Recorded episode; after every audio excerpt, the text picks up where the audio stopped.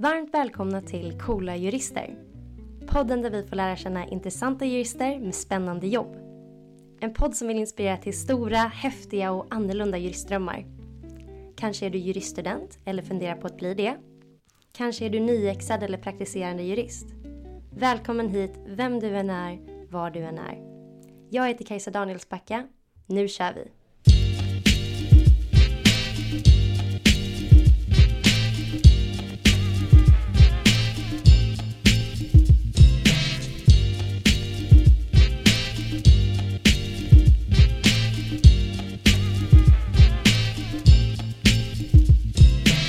Varmt välkomna till Coola jurister, Juridiska föreningen i Uppsalas officiella podcast sponsrad av Cederqvist. Och idag har jag med mig Karin Bratt. Karin är 56 år, kommer från den lilla byn Junsele uppe i Ångermanland och tog sin juristexamen vid Uppsala universitet. Men hon har även studerat rysk historia och EG-rätt. Efter examen satt hon ting vid Falu tingsrätt och påbörjade sedan en spännande karriär. Hon har bland annat arbetat som biträdande jurist på en advokatbyrå i New York men även varit assessor i kammarrätten och arbetat på utrikes-, justitie och näringsdepartementet. Och idag är hon chefsjurist på Försvarsmakten. Välkommen Karin! Tack så mycket! Gud vad kul att ha dig här! Jätteroligt att få vara med. Ja, och du har inte varit med på någon podcast förut? Nej, det är första gången. Poddebut, fan vad härligt! Ja. Gud vad kul! Och du jobbar nu på Försvarsmakten men tidigare så har du som jag nämnde haft en, eh, en eh, spännande karriär som ledde upp till detta. Du var bland annat i New York och hur kom det sig att du hamnade där? Eh, jag hamnade i New York efter eh, att jag hade suttit ting eh, och gifte mig precis och min man jobbade på en advokatbyrå i New York. Så det gjorde att jag, jag var medföljande till New York och sen så fick jag eh, ett jobb på en konkurrerande advokatbyrå i New York. Vad roligt! Ja. Var det spännande? Hade ni mål mot varandra och grejer? Nej, det hade vi inte. Nej, det hade vi inte. Nej, det var, det var en rolig tid, eh, väldigt spännande och en enormt rolig stad att bo i Ja. förstås. Saknar du det? Saknar det lite grann men det händer andra spännande saker i livet som gör att ja, det var en jättekul tid och New York är liksom ett nära hjärtat sådär. Men, eh, men eh, det har hänt så mycket andra roliga saker så att det var en bra tid men det finns andra bra tider så efter det. Precis. Var det några speciella erfarenheter du drog av tiden där? Ja, vad ska man säga? Ehm, kanske vikten av att vara eh, öppen och utåtriktad och eh, tänka nytt och ehm, eh, inte var så, jag menar, jag jobbade ju på en svensk advokatbyrå och det är klart att vi eh, jobbade väldigt mycket mot Sverige så det var ju inte så mycket amerikansk eh, rätt och så. Men eh, det är ju lite speciellt att sitta i ett land Mm. när man är en skolad jurist i ett annat lands lag. Ja, och precis. eh, då får man förhålla sig till det. Man, man, man kan inte riktigt göra samma saker som man gör på en advokatbyrå i Sverige. Nej, precis. Mm. Men var det skönt att komma hem till Sverige lite sen då? Eh, ja, det var det. Men vi var faktiskt bara hemma i Sverige några månader för sen flyttade vi till eh, Moskva. Okej, hur kom det sig? Ja, det var samma, samma sak, makens jobb, Mm. Eh, som gjorde att vi hamnade där. Och, ehm, jag jobbade även en, en kort tid på en amerikansk konsultbyrå då, men sen fick vi barn. Okej. Så att eh, jag var hemma med, vi fick tvillingtjejer. Så jag var Åh. hemma med dem. Vilken Mm. lycka! Ja. Var det nervöst? Ja. ja. Men jag hade en stilig rysk eh, barnflicka som Oh. var barnläkare som hjälpte till med barnen där. Så att det Gud var vad väldigt skönt. speciellt var det. Ja, det måste kännas skönt med barnläkare som Mm. flicka. Det är ju Mm. trevligt. Gud vad skönt. Så ni hade barnen i, först i, i Ryssland och sen så kom Ja. de först till Sverige. Okej, Mm. vad spännande. Men sen i Sverige så har du även tagit domarbanan. Ja. Hur kom det sig att du trillade in på den? Eh, det var väl egentligen lite grann när vi kom hem från New York där eh, så blev det liksom bara några månaders mellanrum och då sökte jag till kammarrätten för att ha något att göra i, emellan när vi skulle åka till Ryssland. Ehm, så att det var väl en ren sinkadus egentligen. Jag Mm. sökte lite olika grejer och jag kom in på kammarrätten. Ja. Och så var det. Och sen kunde jag ju då vara tjänstledig när vi var i Ryssland. Så det var ju ganska bra. Så. Praktiskt. Ja, det var väldigt praktiskt. Liksom. Just det, så det var sen, ingen lång dröm liksom att bli domare? Nej, det var det inte. Jag trivdes i och för sig väldigt bra. Nu har jag ju allmän domstol i botten så jag satt ju på tingsrätt. Eh, trivdes bra med det. Och, eh, det var kul och så. Men eh, nej, ingen sån där lång dröm att bli eh, domare. Sen genomförde jag ju hela domarutbildningen för det blev lite samma sak när vi kom hem från Ryssland så gjorde jag mitt underrättsår för jag hade ju redan den tjänsten tänkte jag då kan jag lika gärna göra det. Ja. Eh, och sen tyckte jag att jag kunde lika gärna adjungera när jag ändå höll på. Så hade fått upp farten liksom? Blev jag assessor eh, så. Du säger det som något som händer bara. ja, lite så. Det bara blev så lite grann. Men ehm, eh, det är ju jättespännande att jobba i domstol. Eh, men det är ett helt annat arbetssätt än det jag håller på med idag och det jag har gjort sen. Så. Hur skulle det skilja sig, anser du? Eh, I en domstol så är det ju mycket mer struktur. Mm. Du har ju dina mål. Mm. Och man sätter upp sina mål och man har sina förhandlingar och man skriver dom och den expas och sen så börjar man på nästa. Mm. Det är liksom en tydlig struktur, en tydlig metod. Eh, Lagstadgad metod. Det, du tillämpar lag alltid efter någonting har hänt. Precis. Så jobbar inte jag alls idag. Nej. Idag kommer det frågor från alla möjliga konstiga håll eh, och det gäller att leva här och nu och kunna tillämpa lag praktiskt. Mm, det är något helt annat. Ja, Gud, och det passar nog mig egentligen väldigt mycket bättre att vara liksom, det är lite mer lite mer flex. Liksom. Ja, mm. jag förstår. förstår. Skönt. Mm. Men, eh, och sen så hade du även en sväng på departementen? Ja, det var en ganska lång sväng. Ja. Eh, totalt nästan 15 år. Ja. Eh, och jag har varit på flera olika departement. Började som rättssakkunnig, höll på med lagstiftning, var med på IT-boomen eh, på näringsdepartementet eh, och bytte sen departement till UD. Mm. Eh, och började jobba med migration och asylfrågor. Frågor, just det. Och det var ju ett är alltid ett hett och besvärligt politikområde. Ja.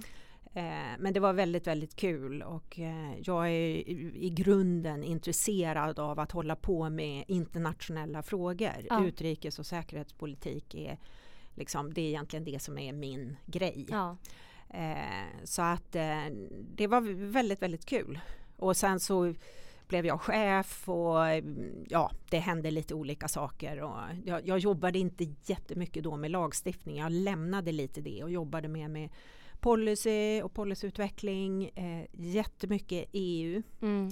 Jätte, jättemycket EU-frågor. Jag har förhandlat i, i EU jättemycket i olika lagstiftningsärenden då eh, och även med vårt multilaterala internationella samarbete i FN-spåret. Mm, det. Det, det. har ju liksom flera ben, migrationsfrågorna. Ja, för du var ju som du sa rättssakkunnig bland annat vid vissa departementen så var det mm. även departementsråd. Ja. Jag tror inte alla som lyssnar vet exakt vad man gör då. Du har nämnt lite saker men vad är ens huvudsakliga uppgift där? En rättssakkunnig eh, jobbar ju väldigt mycket med lagstiftning. Mm. Man skriver propositioner, tar fram förslag till ny lagstiftning, skriver propositionen, går till lagrådet mm. och föredrar eh, och får förhoppningsvis ett godkännande mm. eh, på att det är tillräckligt bra. Ja, eh, och sen blir det en propp till riksdagen och lag i Sverige.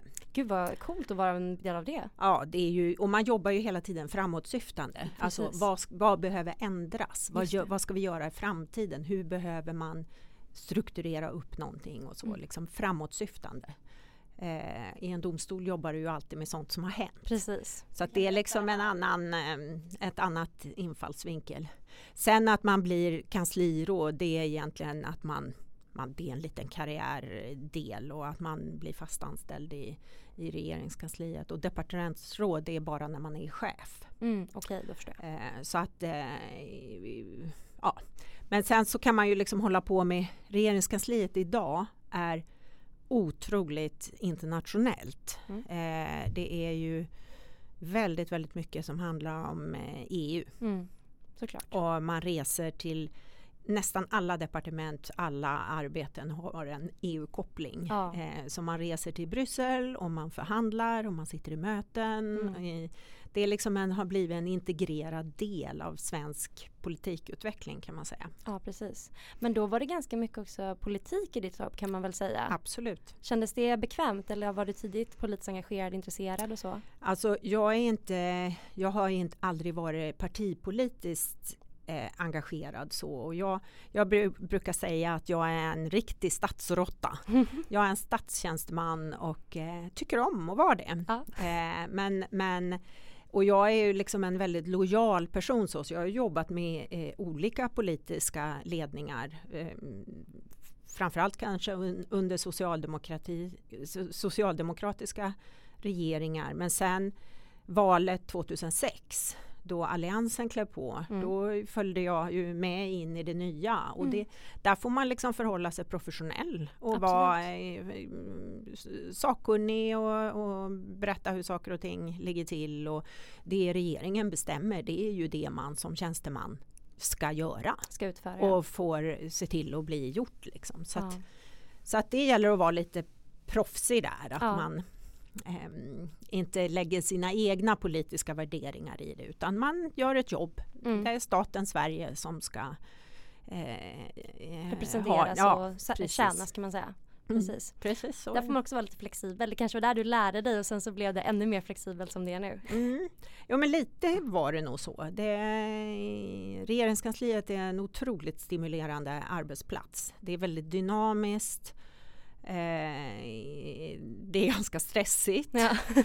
Eh, det händer saker hela tiden. Man springer i korridorerna med olika idéer som förs fram och Bryssel i telefonen och, och så. Och det är en otroligt stimulerande och dynamisk arbetsplats. Men, men speciell liksom. ja. Men en bra skola, ja, verkligen. det kan jag verkligen tänka mig. Man blir stresstålig, man har liksom verkligen man har byggt upp kontakter. Ja, och sen det här att förstå om man jobbar i staten, även om man sitter i regeringskansliet eller om man sitter på en myndighet eller en domstol eller att förstå poli den politiska dynamiken eh, och det politiska spelet är väldigt, väldigt bra att kunna. Mm. Därför att då förstår man hur man ska förhålla sig till olika saker. Och det handlar ju om hur landet styrs. Mm. Så här styr man landet. Ja.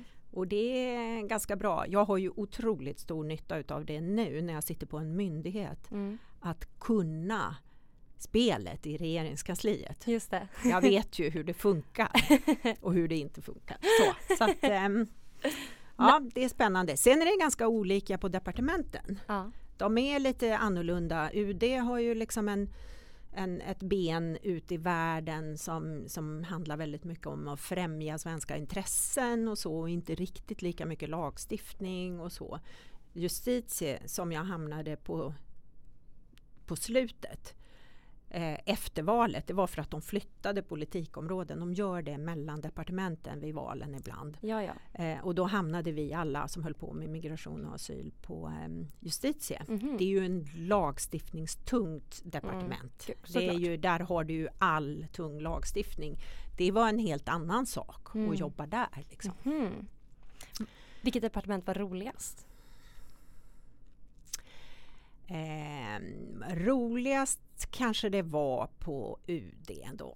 Ja, jag, jag, just på grund av den här utblicken i världen. Men eftersom jag jobbade med de frågor jag jobbade så hade vi ändå väldigt mycket utblick i världen. Mm. Jag reste väldigt mycket med ministern och eh, på båda departementen. Man fick liksom vara med i de, den internationella kontexten. Just och det. det var, så det var nog mer politikområdet som var roligt, även om det var väldigt besvärligt också, Precis. periodvis. Var det då den här internationella kontexten och de frågorna du hade jobbat med på UD som gjorde att du tyckte att Försvarsmakten lät spännande eller hur kom Ja. det sig? Det var det väl lite grann, att det, det hänger liksom ihop. Eh, om man har jobbat, dels är jag ju utrikespolitiskt intresserad i grunden, men har man jobbat med migration och asyl, då har man jobbat med konflikter och krig eh, och konsekvenserna utav det eh, och förändringar i världen. Och kopplingen till eh, att jobba på en myndighet som håller på med krig Ja. eh, och konfliktförebyggande eh, internationell samverkan och så. Den, den, den finns, det finns ju en koppling. En tydlig sådan. Ja, en tydlig koppling. Så att för mig var det inte jättekonstigt utan det var liksom en, en ganska bra kontext. En bra brygga. Ja, en bra brygga så. Mm. Just det. Och eh, Försvarsmakten som du sa, det är ju en myndighet. Det kanske Mm. inte alla ja, tänker på eller har koll på. Ehm, och hur många jurister finns det anställda hos Försvarsmakten? Eh, vi har en central juridisk funktion där jag är chef då. Eh, och vi har 35 jurister. Eh, sen finns det ehm, två jurister som jobbar med säkerhetsskydd eh, bara, säkerhetsskyddsjuridik på MUST. Mm. Och så finns det eh, två eller tre jurister som jobbar på en annan enhet eh, som bara håller på med miljötillstånd. Okej. Eh, sen kan det säkert finnas någon civilanställd handläggare som har juridisk bakgrund men alla som jobbar som vi kallas, eller inte jag då, men mina medarbetare kallas för försvarsjurister. Mm. Cool Eh, titel. Ja, och eh, de sitter centralt på juridiska avdelningen och de har då ett mandat att företräda Försvarsmakten i juridiska frågor utåt, i alla juridiska frågor. Just det. Och de sitter, när du säger cent- centralt, är det högkvarteret i Stockholm? Högkvarteret på Lidingövägen, ja. Just det. Men är det så, kan man arbeta någon annanstans i högkvarteret? Kan man inte också arbeta ute på mission till exempel och på lite andra ställen så? Mm, det kan man göra eh, om vi har eh, missioner som eh, är tillräckligt stora kan man säga. Vi har ju några nu som inte är så stora, Afghanistan, Irak. Eh, där sköter vi juridiken från centralt hos oss. Mm. Eh, om det är någonting. Eh, men sen har vi ju Mali, där har vi ju ganska stor kontingent. Just nu är det ingen ligad med. Eh, men det kommer att vara en eh, nästa rotation som går ner i november tror jag. Okej. Eh, och där har vi haft, jag har faktiskt haft en av mina medarbetare har varit i Mali och jobbat i sex månader. Okej. Mm. Som ligad och auditör då. Och då Mm. hjälper man ju till både med ja, förekommande juridik, folkrättsliga frågor och Mm. discipl- disciplinära åtgärder också om det händer saker där nere. Sen har vi faktiskt en, jag har också en annan medarbetare som just nu är i Mali. Han jobbar inte i den svenska kontingenten utan han jobbar i eh, staben för Minusma Force Commander som är en svensk general. Mm. Han har en liten stab med sig Okej. som hjälper honom med lite diverse frågor. Där har jag en medarbetare som är med också, en jurist. Just det. Jättespännande. Väldigt spännande. Och Eh, då som jobb. du sa, då är det ju folkrättsliga frågor. Ja. Visst är det så att Mycket man... mandattolkning och sånt. Precis, Mm. och det betyder väl då att om man där till exempel är med FN eller om man är där med EU att man då har att tolka vilket mandat, om man, om man då uppfyller de här målen med missionen som, Mm. som kanske kan vara bevara fred. Mm. Och då ska man då tolka är det att bevara fred om vi går in här och gör det här. Ja. Precis. Och vad ger insatsreglerna för våldsmandat till exempel? Vad kan vi göra? Vad kan vi inte göra? Just det. Många sådana frågor. Det är Mm. verkligen juridik i stridens hetta om man får slänga Ja. en, en löjlig eh, catchphrase på det. Yes. Okej, men då så är det ju, där så är det mycket folkrätt, vad- men det är ju extremt mycket olika rättsområden. Mm. Eh, jag, jag insåg att en väldigt smart sätt, väldigt smart sätt att försöka eh, luska på vad man gör inom Försvarsmakten när jag gjorde lite undersökning. Det är inte att gå via Försvarsmaktens hemsida. Där finns det begränsad information. Det var nämligen att gå in på en eh, en eh, annons för att man söker en jurist. Ja. Och där så listas det ju Ja det är ju nästan hela juristutbildningen i Ja. form av, eh, av rättsområden man kan arbeta med. Mm. Vad spännande men så det är ju liksom arbetsrätt, avtalsrätt, eh, Ja. allt är möjligt. Allt är möjligt. Eh, och eh, man kan ju tycka att 35 jurister inte är så eh, många men jag tror inte att det finns någon annan myndighet. Möjligtvis polisen har ju jurister på ett annat sätt. De eh, som håller på med tillståndsprövningar och sånt där. Och så. Men en central juridisk funktion då är det en jättestor eh, juristavdelning Mm. att vara 35 personer. Det är det. Mm. Ja, det är det. Men eh, vi är ju också Sveriges största myndighet. Mm. Eller ge och ta lite med Polismyndigheten nu. Ah, okej, vi brukar ja. säga att vi de kanske har lite mer folk. Ja. Eh, men vi har lite mer pengar. Ja. säga. beror ju på hur man ser på saker. Beror på hur man ser. Men, men som sagt, och vi är ju en juridisk avdelning som servar hela myndigheten Mm. som finns på 34 platser i Sverige också. Så Ja.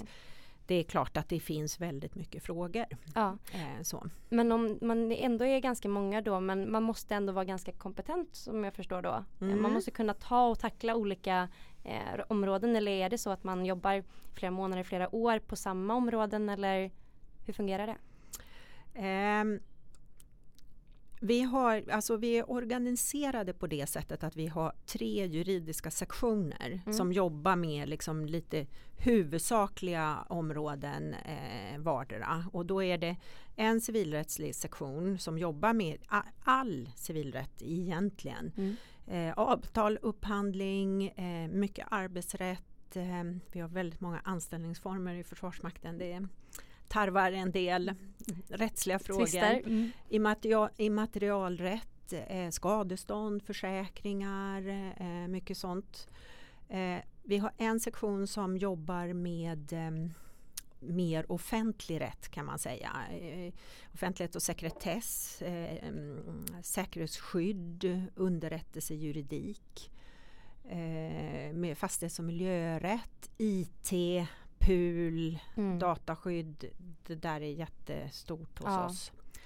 Och sen har vi en sektion som eh, kallas för den operativ juridiska sektionen som jobbar mer mot de militära, rent militära delarna.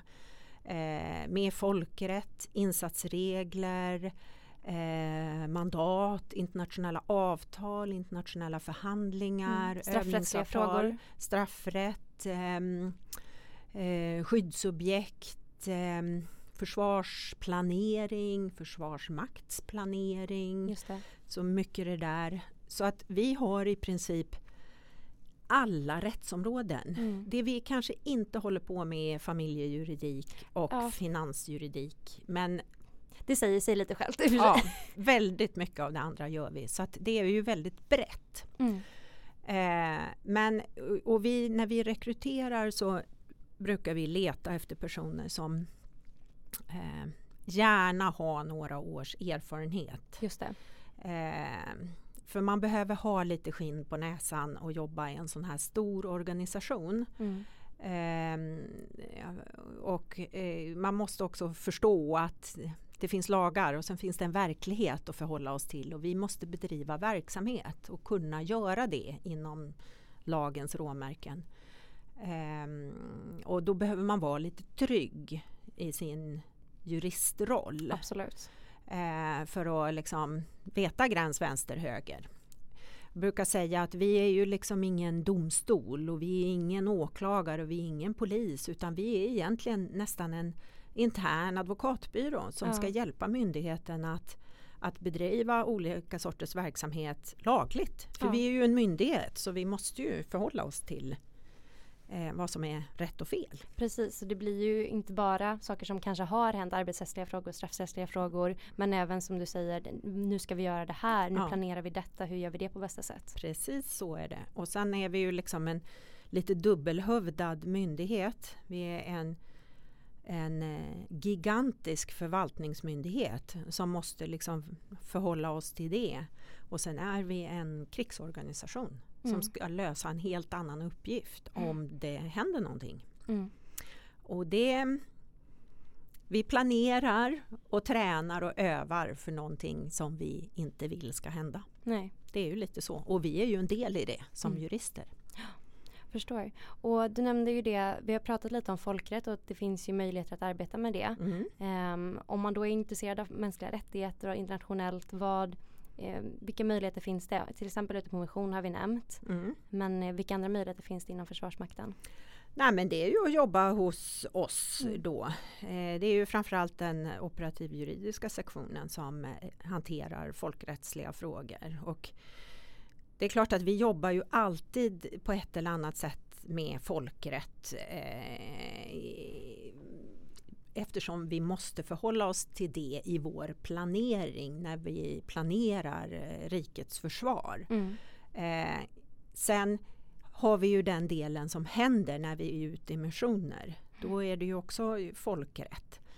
Sen är det ju olika delar i det där. Du kan ju ta den internationella humanitära rätten, alltså krigets lagar. Mm. Vi är ju inte så ofta i krig. Nej.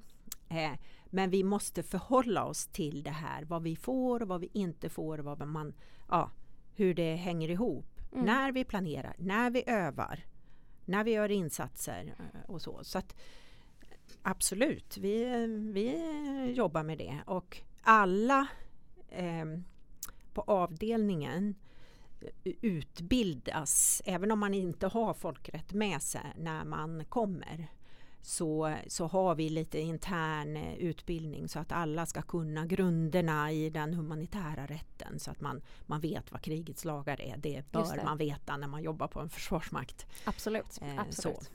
Och du sitter i eh, Totalförsvarets folkrättsråd. Ja. Vad innebär det?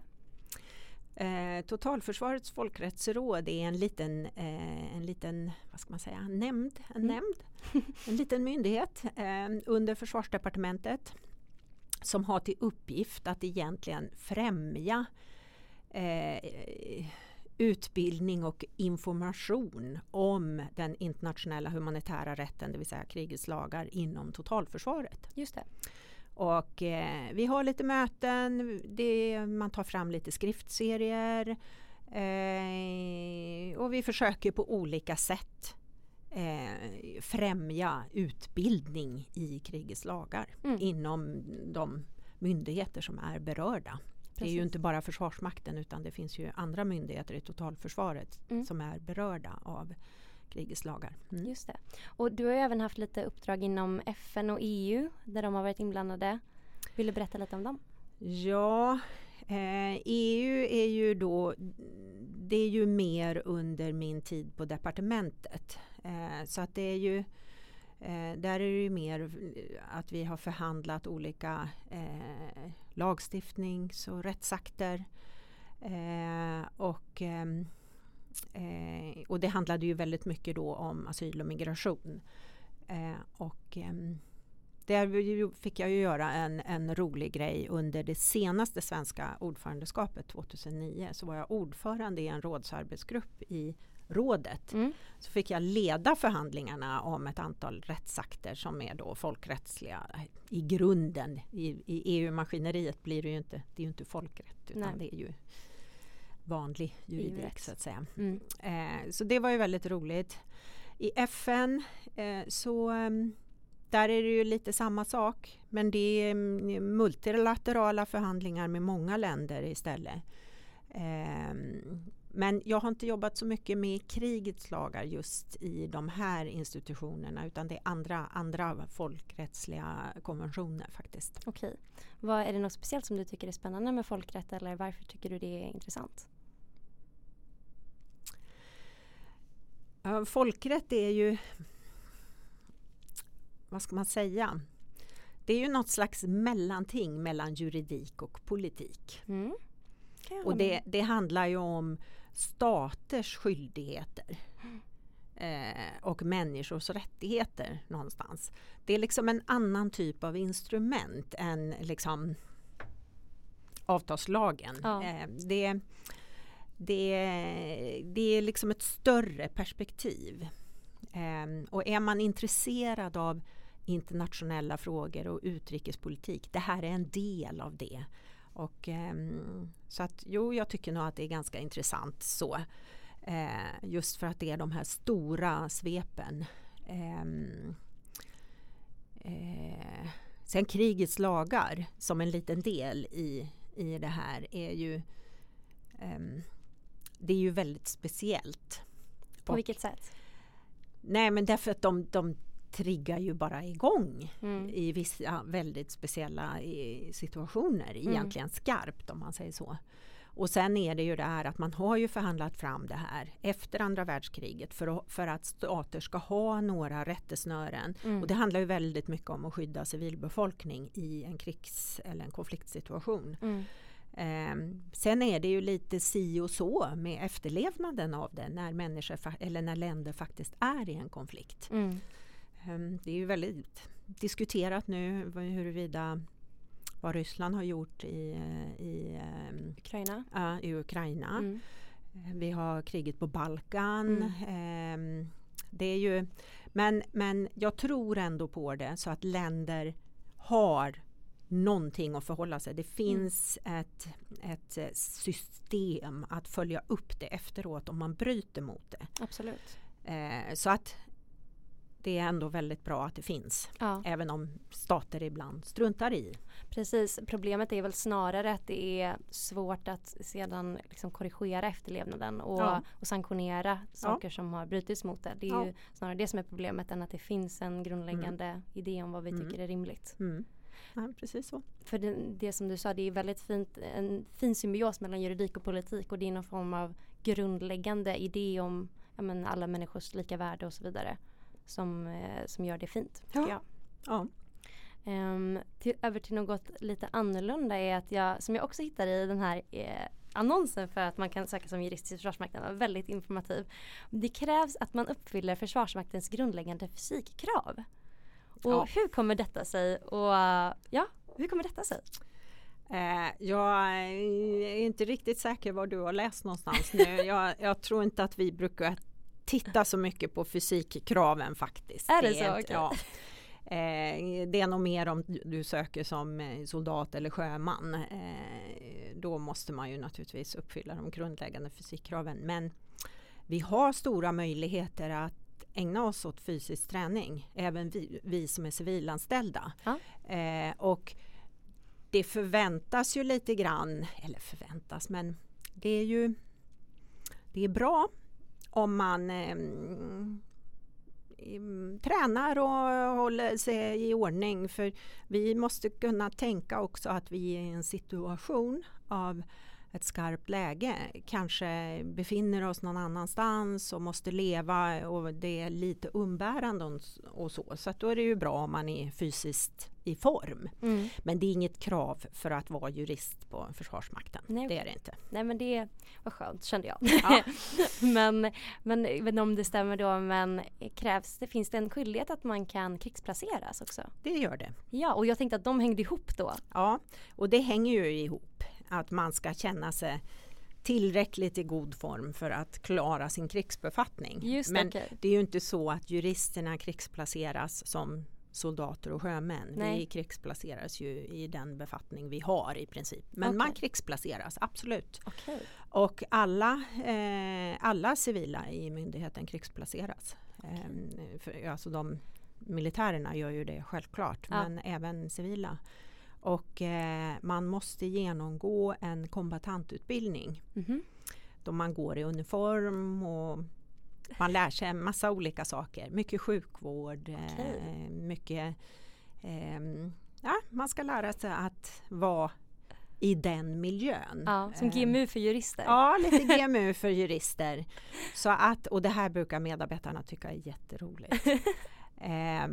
Så att eh, det gör vi. Så alla har hela utrustningen på sina tjänsterum och eh, när vi övar, vi övar ju också, Okej. eh, när vi övar på, på strategisk nivå som jurist Eh, juridiken ligger liksom på strategisk nivå i myndigheten. Ja. Då går vi i uniform och ehm, det är hela paketet. Man har beteckningar Mm. som jurist, man har Mm. märken Mm. som man sätter på uniformen. Så att ehm, det måste man göra ja. om man ska jobba hos oss. Grymt. Därför du, man behöver tränas och förstå att Mm. om det händer någonting så måste man klara av att jobba på ett annat sätt under andra förhållanden. Eh, och ehm, eh, och eh, var, känna sig komfortabel med det. Men då måste jag ju givetvis fråga, alltså, är det i, i händelse av att Sverige hamnar i krig eller är det nu ska vi göra den här insatsen ehm, där Sverige deltar och då kan vi välja att krigsplacera dig? Eller hur, när kan man bli det? Mm. Man, man eh, kan inte krigsplaceras att vara jurist i en insats, Nej. en internationell insats.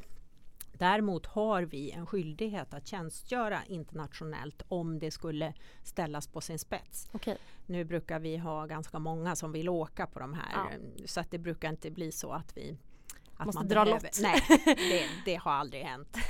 Men utan krigsplaceringen är ju bara i en händelse av höjd beredskap eller krig. Mm. Det vill säga då regeringen fattar de besluten. Ja. Eh, så att, ehm, och då går vi in i en annan organisation Mm. och det är då man och då blir vi kombatanter Mm. och det är därför man måste genomgå en sån här kombatantutbildning. Mm. Och det betyder folkrättsligt också att motståndaren har ju en rätt att skjuta på oss. Ja. Och då har vi också en rätt att försvara oss. Ja. Så man tränas alltså med vapen också. Ja, ni gör det. För jag funderar på när du beskrev er Ja. gå runt i uniform om det är vapen och Mm. hela förpackningen. Ja. Lite grann, inte jättemycket men lite.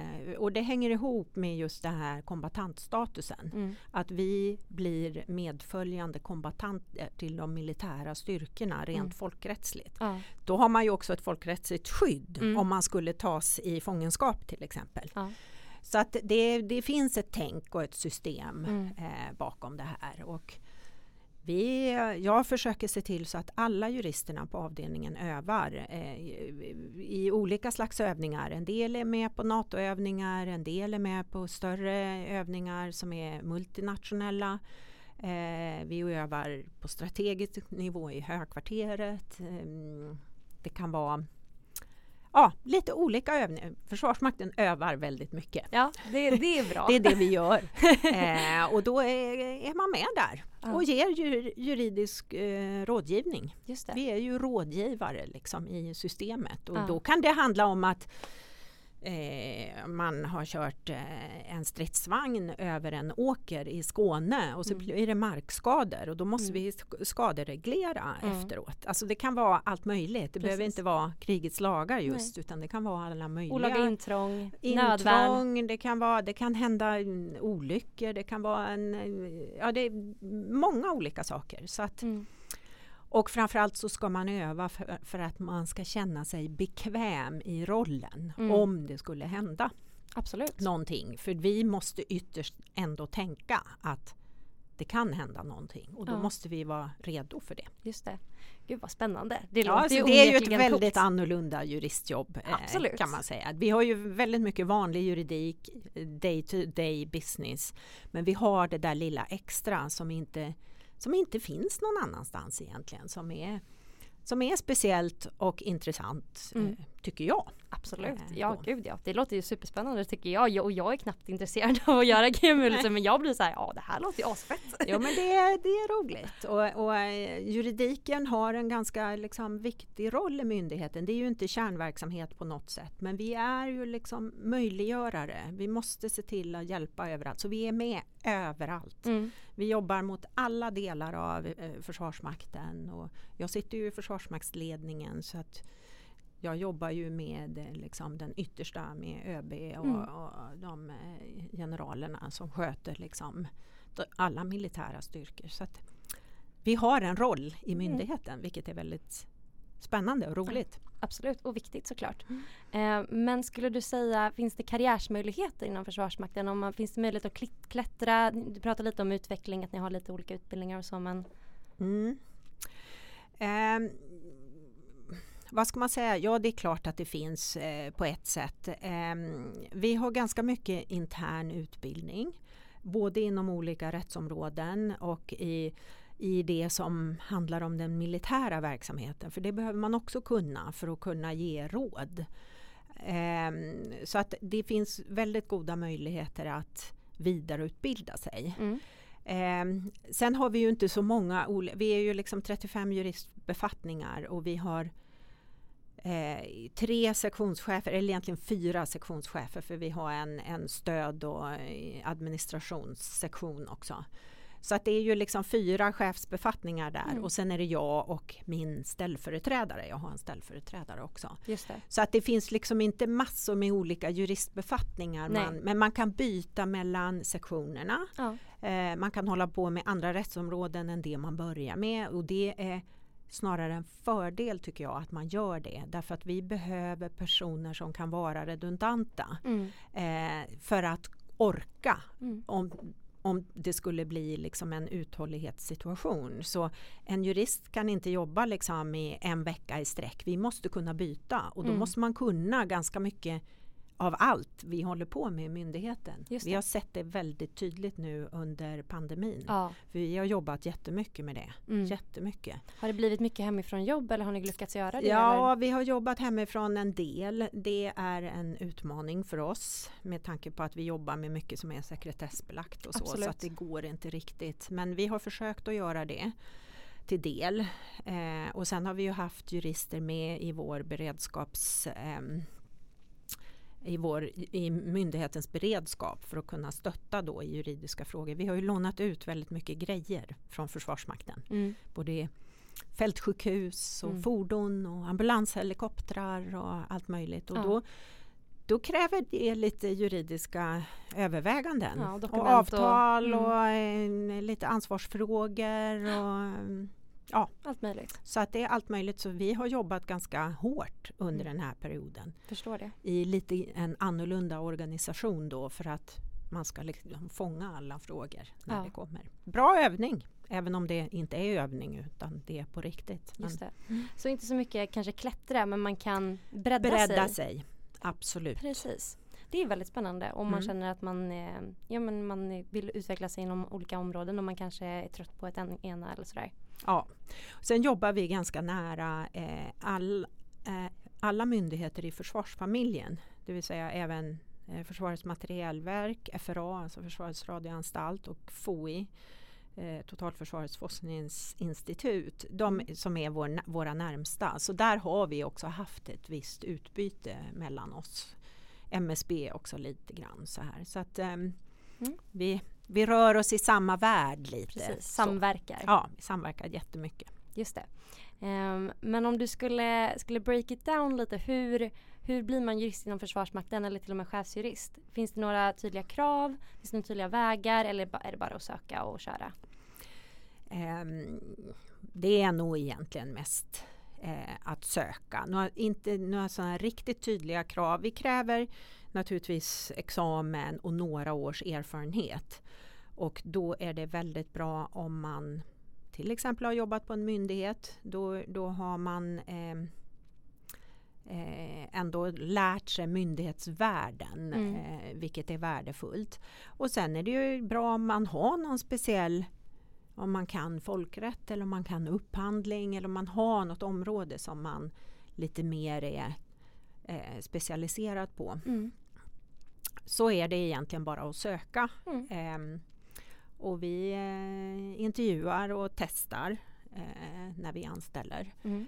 Ehm, och sen så måste vi ju säkerhetspröva alla också Just det. eftersom man hamnar i säkerhetsklass hos oss. Mm. Så att eh, det är en liten process. Mm. Ehm, men vi letar efter ehm, bra folk med rätt attityd Mm. och ehm, att man är trygg, en trygg jurist. Eh, man kan metoden men man också att man vågar tillämpa juridiken. Mm. För det behövs i myndigheten. Mm.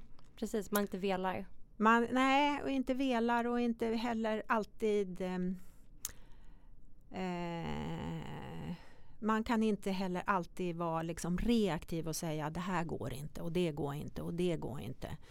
Det, man efter- måste hitta lösningar Ja, det här går. och juridiska lösningar som funkar och då måste man vara lite trygg när man och liksom stå lite stabilt i Lite metod säker. och så här att så här kan man tillämpa, det här kan vi tolka, så här kan man göra, det här är okej liksom. Mm. Och sen måste man veta när man trillar utanför också. Precis.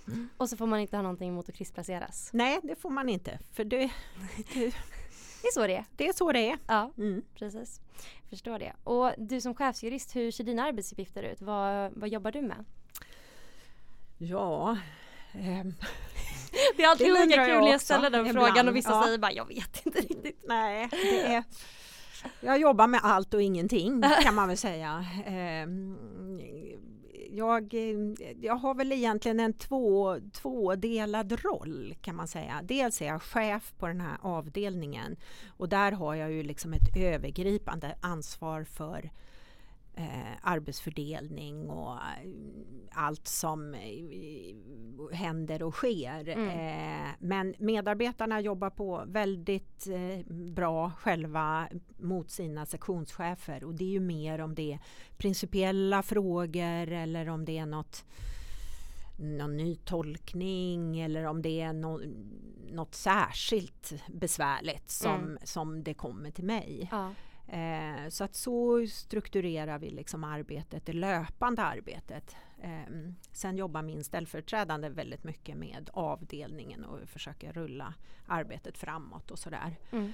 Eh, men sen jobbar jag ju också som chefsjurist för hela myndigheten kan man säga. Och Ja. då har jag ju liksom ett övergripande ansvar för all juridik och alla rättsliga frågor. Och där, det handlar liksom om att försöka se till att juridiken är sammanhängande. För vi kan inte ha olika rådgivning till olika förband i olika det, det måste Mm. liksom hänga ihop. Ja. Och myndigheter måste ha en uppfattning eh, ganska ofta och det jobbar jag ju mycket mer i de här övergripande frågorna. Mm. Och sen så jobbar jag ju i Försvarsmaktsledningen. Jag sitter ju i ledningen och måste ju ta ansvaret för hela myndigheten med budget och planering och allt möjligt och jag har jag jobbar mycket som rådgivare till överbefälhavaren Okej. i juridiska frågor. Så att jag Vad ställer ÖB för frågor?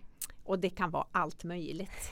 Häromdagen så tog vi en ny föreskrift. Jag kontrasignerar alla föreskrifter i myndigheten som handlar om att vi får sätta blåljus på vissa militära fordon när Okej. det behövs. Så då, då är det sånt. Då Ja. skriver vi på tillsammans. Och, ja, det kan vara allt möjligt. Frågade han vad han skulle sommarprata om? Eh, nej, det gjorde han inte. Jag frågade honom innan och då skvallrade han att han skulle spela Magnus Uggla. Men något Mm. mer fick jag inte veta. Han spelar Vittring, min, Ja. en av mina favoritlåtar. Ja, Sjukt bra. Jag tyckte det var ett trevligt sommarprat ändå. ja Verkligen absolut. Ja, men, eh, bra och mycket, mycket som man skulle mm, förvänta sig av en ÖB ta Mm. upp. Men ändå fint och berörande. Mm. Eh, jag tycker det är intressant när jag, tycker, jag lyssnade på han och jag lyssnade på Mona Sahlin också.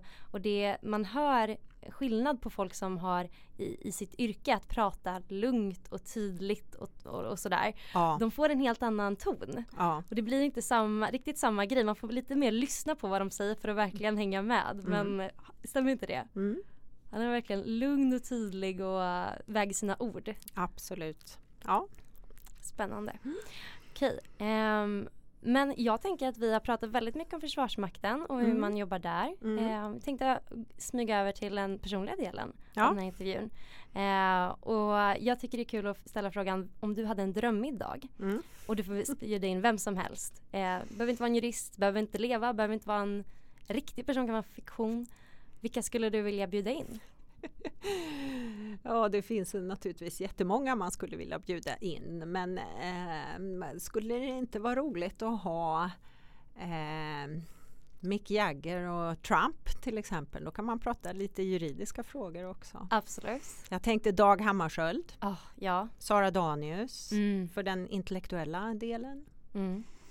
Sen skulle jag gärna bjuda in en person som heter Isabella Stratton. Okej. som eh, var en engelsk eh, äventyrska som flyttade, eh, någon adlig eh, person med mycket pengar som flyttade till Chamonix och var, som var den första kvinnan som klättrade upp på Mont Blanc vintertid, Oj vad häftigt. slutet på 1800-talet. Mm. Coolt.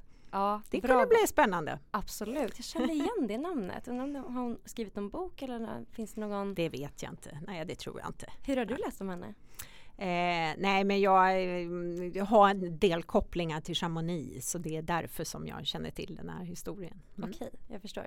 Okej, Mick Jagger, Trump. Vad tror du de hade, vad tror du Mick Jagger hade frågat Trump? Jag tror att Mick Jagger hade varit ganska arg för att Trump spelar Start Me Up. De ska ju stämma då, Trump nu. Är det sant? Ja. Vadå?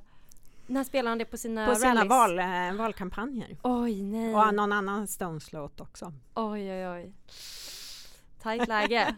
Segt. Och där kommer du in och medlar. Jag tänkte det. Gud vad häftigt. Vad hade du frågat Trump? Vad hade jag frågat Trump? Vad håller du på med? Vad håller du på med? Ja, precis. Ja, det finns nog ganska mycket att fråga honom om. Eh, Det skulle vara ett intressant samtal. Jag är inte säker på att eh, han är så lätt att få kontakt med. Nej. Jag tror han eh, kör sitt eget race lite i sitt eget lilla, sin egen lilla bubbla. Ja, det, det, får man absolut uppfattningen om. Han är väldigt, jag tror att han är svår att penetrera om man ska säga, mm. alltså komma in mm. och verkligen eh, få honom att lyssna på en. Mm. Undrar hur man gör det, det är väldigt oklart. Mick Jagger känns lite mer laid back. Ja, han är nog lite lättare. och han kanske kan spela lite musik också. Ja, tänkte det. Lite bra musik. Så att, mm. Precis. Jag hade någon gäst som sa det och det var nästan bara, bara artister som hon listade upp. Och hon mm. och sa vem skulle du prata med? Nej men de skulle mest spela. Det var trevligt tycker jag. Ja. men Mick Jagger är favoritmusik alltså? Ja, lite grann. Ja. Mm. Något annat? Nej, men jag lyssnar på, jag lyssnar ganska mycket på jazz och lite sådana här Uh, ja, nej, men jag är lite jazz, uh, jazz soul mm, intresserad. intresserad. Ja, mm. Det tycker jag är trevligt att lyssna på när man lagar mat. Mm. Det är väldigt lugnande. Mm. Och man blir i bra stämning, bra middagsmusik också. Ja, det är det. Tycker du om att laga mat? Ja. ja. Vad lagar du gärna för mat? Eh, jag lagar gärna, jag lagar ganska mycket älgkött. Oh, gott. Med någon god sallad kanske. Ja. Så. Jagar du? Jag har eh, jägarexamen. Ja. Men jag jagar inte så mycket. Nej, det är gott att äta älgkött. Ja. Jag, jag har inte jägarexamen. Jag tycker Nej. också det är gott att äta älgkött. Men pappa jagar. Så då, då kan man dra nytta av det. Ja, precis. Men det är inte så mycket, för du bor i Stockholm så kanske ja. inte finns så mycket marker och eller så kanske? Nej, nu har jag ju en koppling till Norrland så att jag har lite möjligheter där. Det är där det händer om mm. det skulle hända. Ja. Just det, men det, det ligger på is eller? Eh, ja, ja, jag är ingen aktiv, inte aktiv så. Nej. Vad, något annat att hitta på istället då? Jag läste om skidåkning och mm. ridning. Mm. Ja. Det är kul. Åker väldigt mycket skidor eh, ja. när jag har möjlighet. Eh, rider har jag gjort hela mitt liv. Ja. Eh, mina barn har hållit på med eh, slalom och ridning och så. så att vi, det, ja, det utförs som det, också? Ja, mest men jag åker ganska mycket längd också. Ja. Det är något lugn i det, är det inte det? Jo, jag tycker det är jättehärligt. Det är lite som terapi. Ja. Jag skulle kunna tänka mig att det är, det, men det, när, man, när man kör längd, det är lite som när folk beskriver att de springer. Mm. Men jag har aldrig relaterat till det här när folk springer och känner lugn. Nej, det är härligare då att åka längdskidor på något sätt. För det, det blir en härlig rytm i det. Visst, mm. det håller jag med om. Men jag är nog bäst på utför också. Men så du åker i Chamonix gärna om du kommer, ja, kan komma gärna ner. om jag får möjlighet så gör jag det. Precis, om det inte är en pandemi. Det blev inte så mycket i den här vintern. Nej, exakt. Det var väl det kanske i den där dess tider. Det var väl i Österrike som det var värst men ja, ändå. Ja. Man ska inte röra sig. Men nu har den börjat öppna upp. Ska mm. man få hålla sig inne tror jag ändå va? Tror man kan eh, passa på att njuta av Sverige den här sommaren och sen får man se vad Absolut. som händer. Har du något bra Sverige sommarsemestertips? Junsele. Ja. Eh, tycker jag man kan eh, besöka. Ådalen i Höga Kusten. Ja. Väldigt vackert, jättefint. Eh, min man är göteborgare så vi har varit mycket i eh, eh Bohuslän också. Ah. Det är ju väldigt fint också. Vart i Bohuslän? Jag brukar alltid åka till Strömstad. Ja, inte så mycket Strömstad, lite längre neråt. Utsidan Orust och utsidan Tjörn där är jätte, jättefint. Det är så vackert. Det mm. skulle jag också säga är mitt eh, bästa mm. sommartips. Bara Bohuslän, det är, det är för vackert. Kala klipper och um, häftigt vatten. Ja, det är fint. Ja. Men Junsele har jag aldrig hört talas om. Men Nej. det är en liten by. Det är en liten by längs Ångermanälven. Ja eh, norr om eh, Sollefteå, om man tänker Örnsköldsvik mm. rakt in i landet där, 10 ja. mil ungefär. Just det. Hur många bor i Junsele? Ja, vad kan det vara? 1500, 1500. kanske, något sånt. Ja. Jag vet faktiskt inte ännu. Eh, men jag har kvar familjens eh, sommarhus som ligger vid en ganska stor sjö där. Mm. Så att eh, dit åker vi en del. Mm. Det är jättefint. Jättefint. Det är väldigt kuperat i Ångermanland. Det är väldigt mycket berg och dalar och eh, Ångermanälven har väldigt sådana här branta nipkanter ner mm. mot älven. Så det är väldigt dramatiskt landskap. Så. Så Ja. det är fint. Vackert att vandra och Mm. ta sig ut i naturen. Mm. Jaga om man kan göra det. Ja, om man känner så. Ja, precis. Hur var det att växa upp där? Ja men det var väl väldigt bra att växa upp där. Eh, tryggt och bra och ehm, ehm, lite litet. Mm. Ja, 1500, det är ju min, jag var uppvuxen i en 7000 personer stor stad. Ja. Och det är ju väldigt litet tycker jag. Det är väldigt litet också. Men det här är ju liksom en, det här är ju, det här är ju ingen stad, det är ju en liten by. Ja. Ehm, med sina fördelar och nackdelar. Och, ehm, jag var nog väldigt angelägen om att ta mig därifrån eh, ganska snabbt. Eh, men jag har mina rötter där och jag åker väldigt gärna dit nu. Och, eh, semestrar och åker skidor. Och, mm, ja. Så jag, jag har en väldigt stark koppling dit ändå. Även om jag lämnade och mm, utbildade mig och flyttade till Stockholm och flyttade utomlands och allt sånt. Ja. Så jag har kvar en, en, en hjärtat djup... kvar. Ja, Precis. det har jag. Absolut. Är det inte intressant? Jag tycker det är så fint för jag är också, det var jag var inte heller så himla taggad på att bo kvar i lilla Karlsborg men Mm. när man blir äldre så är det som att man börjar se nya saker som alltid var där och Ja. börjar man uppskatta man ser dem med ett helt annat ljus. Nej men så är det. Och lite grann det här med kontrasterna att man behöver, där kan man verkligen liksom ladda batterier Mm. och man får ett lugn och man är ute och går i skogen. Och I Stockholm är man i Stockholm, där är ett annat liv liksom. Och man behöver nog de där kontrasterna tror jag för att orka och för att liksom känna energi och få energi. Ja. Och känna sig liksom ja, Nyladdad. Ja, nyladdad. Verkligen. Precis. Jag läste det, jag såg i Bill Gates dokumentären att han hade eh, någon form av vad han kallar typ riding eller thinking weeks där han bara åker ut till ett litet, till verkligen en liten stuga bredvid någon, eh, någon vattendrag. Det fanns typ en lampa där inne och så bara läser han och skriver. Ja. Det är ju sånt härligt som man bara behöver ibland när man bara är mitt ute i ingenstans. Mm. Och bara vara. Ja, exakt. Ska du lyckas vara lite i semester i sommar? Ja, det hoppas jag. Eh, jag måste jobba några dagar till men sen så, sen så ska jag åka till eh, Junsele Gud vad härligt. och vårt ställe där. Så att, eh, det blir väl ett par veckor i alla fall där uppe, Ja. hoppas jag. Nice. Och jag brukar alltid fråga, det, det här podden kallas Coola jurister. Du är en Mm. väldigt cool jurist. Vem tycker du är den coolaste juristen? Ehm, en cool jurist. Ja, men då måste jag nog nästan ändå kanske säga Barack Obama. Mm. Am- Amerikansk president och amerikansk advokat och eh, pluggat på Harvard. Det är ganska coolt. Det är ganska coolt faktiskt. Det är ganska coolt. Första svarta presidenten och Ja. Det är faktiskt häftigt. Paret, båda de två, hon är ju också jurist. Exakt. Det, det är lite striking sådär. Mm. Mm. Absolut.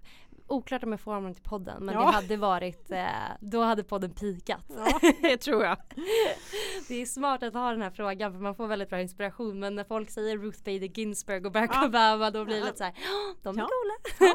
Jag skriver inte upp dem på listan. och om du skulle kunna ge oss juriststudenter, för det är många juriststudenter som lyssnar, ett tips. Vad, vad hade du önskat att du vetat när du gick juristutbildningen? Hmm. Jag tror att jag kanske hade ehm,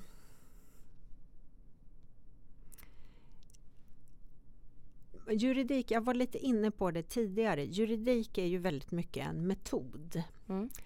Eh, och det kanske är viktigare att lära sig metoden och sättet att tänka än att man exakt vet vad som står i olika paragrafer och blir lite krampaktig i paragraferna. Utan man lär sig metoden och man känner sig trygg i det. Då kan man lösa nästan alla juridiska problem oavsett område. Sen kräver dagens samhälle i viss utsträckning en specialisering för ingen kan kunna allt. Men metoden är ju i princip densamma i Mm. alla juridiska områden.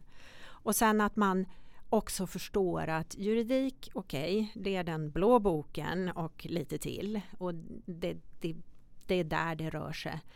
Men det finns en praktisk verksamhet och man måste också våga vara pragmatisk. Mm. Och det tror jag inte att jag riktigt förstod när jag pluggade. Liksom att man, Mm. man måste... Juridik är ett instrument, ett verktyg för mig Mm. som man löser problem. Mm. Och man, man, ehm, ja, man använder det. Exakt. Ehm, och ehm, Nej, så jag tror att eh, lära sig metoden Mm. ordentligt i grunden.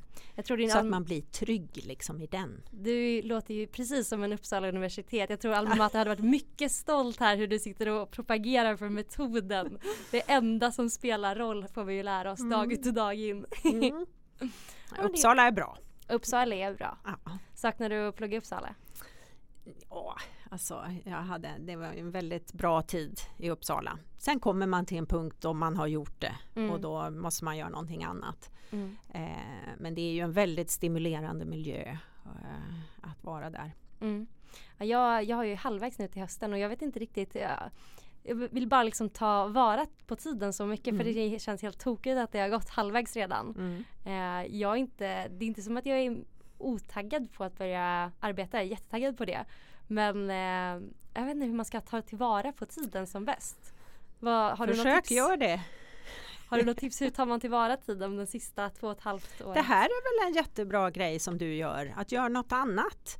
Fylla på med liksom, eh, sånt som ger energi och eh, något kul utblick. Liksom. Att Mm. man är lite utåtriktad tror jag är jätteroligt. Man är nyfiken på Mm. Vad som händer runt omkring en. och Nyfiken på olika områden och du får ju en väldigt bra bild av det när du gör det här. Ja. För då kan du bjuda in människor från alla möjliga och olika håll. Och Absolut. vad kan man jobba med? Juridik är ju så, du kan ju göra så mycket med Precis. det. Och det är ju väldigt bra. Ja, nej det är precis det jag försöker utforska och ge andra som lyssnar här tips. Och inte minst mig själv. Det är väldigt kul att få, få utblicka och Mm. träffa så himla häftiga jurister som dig Mm. själv. Men det var väldigt kul att ha dig med och eh, få ha en så trevlig semester och eh, hoppas de sista jobbdagarna går bra. Ja, tack så mycket. Jätteroligt att få göra det här och jätteroligt att få prata om eh, Försvarsmakten och eh, sök till oss. Vi har jätteroliga juristjobb hos oss så att det är verkligen en kul arbetsplats. Eh, så tack för att jag fick komma hit och berätta. Tack så mycket för att du kom. Ha det så gott! Tack, tack!